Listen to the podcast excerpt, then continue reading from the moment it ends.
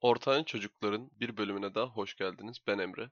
Ben Ömer. Şöyle konuya başlamak istiyorum. Diyalektik düşünme diye bir şey var Emrecan bildiğin Hı hı. üzere. Mesela bazen kitaplarda geçer bilirsin. Hani okuduğumuz ya da rafları karıştırırken görüyoruz. İşte sen artık eski sen değilsin. Bunu okuduktan sonra farklı bir kişi olacaksın vesaire. Şimdi bu diyalektik abi şundan geliyor. Bir yani eski Yunan felsefesinden kalma bir durum. Şöyle tartışma sanatı olarak geçiyor. Fakat mesela Google'a baktığım zaman tam olarak ne olduğunu yani okuyorsun. İşte zıtlıklardan doğar mantıksal çıkarsamaların karşıtlıklarından elde edilir vesaire net bir şey söylenemiyor. Birisi bana dese ki diyalektik düşünme nasıl yapılır nedir?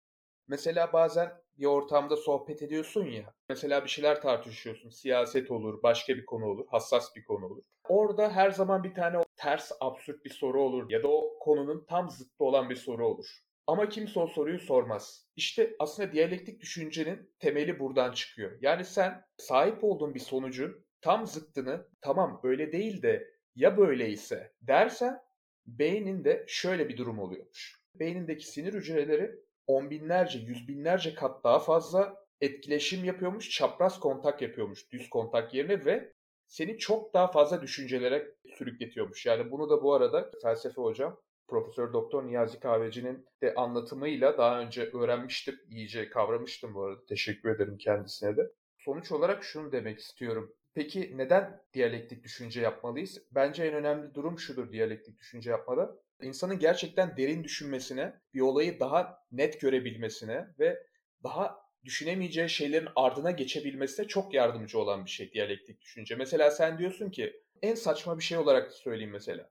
Sen bana diyeceksin ki balon uçabilir. Ben diyeceğim ki hayır kardeşim balon uçmuyor. Bak bunu dediğim anda senin kafanda bir sürü şey ona karşı zıt bir düşünce yepyeni parametreler, yepyeni kapılar ortaya çıkıyor. Aslında diyalektik düşüncenin mantığı da bu yani tartışma sanatından kasıt budur. Diyalektik düşünmek bir şeyin zıttını söyleyip zıt argüman oluşturup onun üzerinde düşünüp yepyeni şeylerle ortaya çıkabilmektir. O yüzden hani siz yeni birisi olacaksınız. Genellikle bundan dolayı bahsedilir aslında. Sen ne düşünüyorsun? Ya benim diyalektik düşünce gibi böyle hani kapsamlı kelimelerle bazen aram olmuyor. Şundan dolayı. Ben biraz daha şuna inanıyorum. Düşünce konusunda. Düşünce sonuçta hani bir insandan gelen beşeri bir şey. Hani ondan dolayı insan değiştikçe de değişebilen bir şey. Diyalektik düşünce aslında istemsiz olarak yaptığımız bir şey de otomatikmen olabilir. Sonuçta hani insan 18'i ile 30'u arasında hani düşünce olarak dağlar kadar fark var.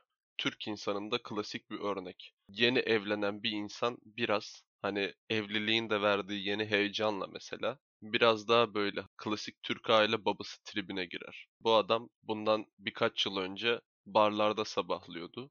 Şimdi Türk aile babası tribine girmiş. Hani aslında demek istediğim şey şu. Akan bir nehiri düşün. Sen bu nehirde yüzdün. Ertesi gün gittin. Yine yüzdün. Peki bu iki gün boyunca nehir akmayı kesti mi abi? Kesmedi.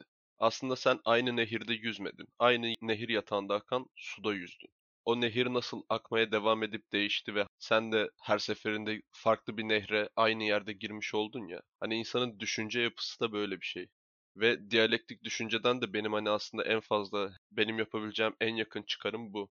Hani daha ötesini de çok yapabileceğimi sanmıyorum. Şöyle zaten hani bir odada 10 kişi varsa en basitinden 10 kişi de aynı düşüncedeyse oradan farklı bir düşünce, yaratıcı bir şey çıkma ihtimali de olmuyor. Hani o tamam 10 kişi de haklı olabilir. Ona hiçbir lafım yok.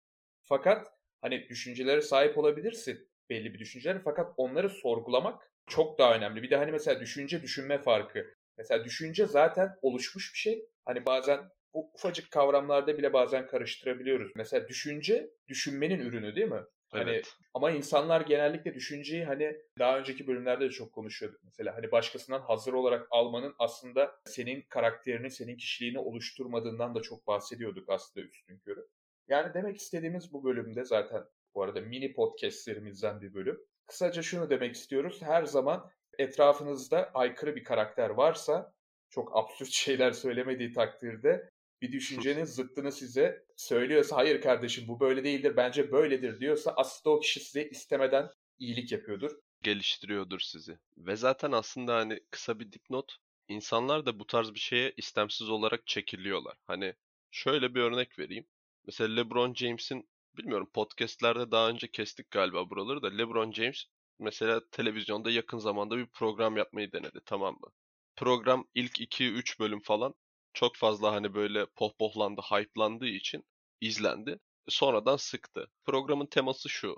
Abi kendisi gibi Afrika Amerikalılar işte bir berber dükkanına toplanıyorlar. Hani onlarda da öyle bir kültür var. Hani bizde nasıl Türk berberi kültürü var ya hani işte iddia konuşulur, maç izlenir falan. Hani Fransa ikincilik maçı izlerken bu golü nasıl kaçırdı falan diye böyle kızarsın ya. Öyle bir ortam. Abi sırayla işte saç sakal tıraşı olurlarken falan böyle berber muhabbeti yapıyorlar. Hani işte kanka biz böyle zorluklardan geçtik gibi. Ama programın eksik olduğu kısım abi tam olarak diyalektik düşünce. Herkes evet kanka sen çok haklısın. E sen de haklısın. e sen de haklısın. Kimse birbiriyle zıtlaşmıyor bak. Hani Türk insanı zaten polemik sever. Ondan sabah programları her zaman tutar. Bak Müge Anlı mesela gerçekten iyi bir konu yakaladığı zaman YouTube'dan izlerim ben tamam mı? Çünkü hani internette falan da fix görürsün. Hani merak eder izlerim. Ama LeBron bak çok ilginç bir karakter ve sürekli hani kendisi gibi başarılı sporcular, yönetmenler vesaire hepsinin tek ortak noktası hani Afrika Amerikalı kökenli olmaları. Ama hepsi abi sürekli LeBron'a katılıyorlar. Kimse de hani ya kanka ben bak Afrika Amerikalı kökenliydim ama biri de bana iyilik yaptı demiyor. Herkes zorluktan geçmiş. Herkes işte şey yapmış anladın mı? Tamam abi anladık. Ama hani Evet. artık bu işin de hani suyu kurudu hani artık başka bir probleminizden bahsedin. Tamam sizi kimse 50 yıl önce sevmiyordu. Bunu anladık. Program abi bundan dolayı tutmadı. Karşılık bir zıtlık, farklı bir düşünce yok. LeBron diyor mesela ben işte bundan dolayı böyle yaptım. Evet çok haklısın LeBron. Biz zaten buna katılıyoruz bilmem ne falan diye hemen sürekli şey yapıyorlar. Abi bu adam Cleveland'dan Miami'ye gideceği zaman Cleveland'da gazeteler son of a beach, plajın çocuğu tarzı böyle alengirli böyle double entendre'lı bir başlık atmış. Bu 10 yıl öncesinin muhabbeti. Şimdi herkes aynen LeBron sen haklısın zaten biz sana yargıda bulunamayız ya tövbe haşa falan diye şey yapıyorlar. İnanılmaz değişik böyle bir Adnan Oktar programı gibi bir şey olmuştu abi. Hani hiç de keyif almadı insanlar ve program kapandı, iptal oldu. Farkındaysan hani senle bazen tartışıyoruz. Hani bazen biz bölümlerimizde konuşuyoruz. İşte sen bana hak veriyorsun. Ben sana hak veriyorum. Aynen abi doğru abi şuraya katılıyorum. Buraya katılıyorum falan. Dinleyicide otomatik genelde şöyle bir şey oluşur. Bu tarz mesela dediğim programa benzer bir şekilde. Tamam abi adamlar güzel konuşuyor eyvallah. Haklılar da. Tamam alt F4 çık. Hani çünkü karşıdaki insanda bir şey uyandırman lazım. Hani Öyle o abi. kafasında o sinir hücrelerini demek ki harekete geçirmen lazım. Çapraz kontak yaptırman lazım ki demek ki diyalektiğin önemi de burada. Aslında linç edilmenin de diyalektikle bir bağlantısı var. Çünkü linç genelde neye ediliyor? Yani kötü konular tabii ki de hiç hoş değil. Mesela konuları Ya böyle alengirli konular değil tabii de. Evet. Ama yine de şunu demek istiyorum. Hani linçin de o yüzden insanı özgürleştiren bir yapısı var. Çünkü aykırılık. Hani Aynen. aykırılığın da bir dozu olmalı. Bir dozu kaçtığı zaman da tabii çok kötü yerlere gidebiliyor. Ben peki abi öyleyse bak son bir size öyleyse diyalektik düşünmeniz için bir konu verip kaçayım. Abi mesela Adem ve Havva'nın böyle hani Rönesans'ta falan filan tablolar hani çok popüler ya. Oradaki Adem ve Havva tasvirlerine bak. Hepsinin abi göbek deliği var. Ya bunlar ilk insan değil mi? Bu insanlar doğmadı. Ya doğmayan bir insanın nasıl göbek deliği olur? Hani kimse zamanında diyalektik düşünmemiş abi. Bak Allah'ın unuttuğu bir dizi var. Hani bak Kyle XY diye.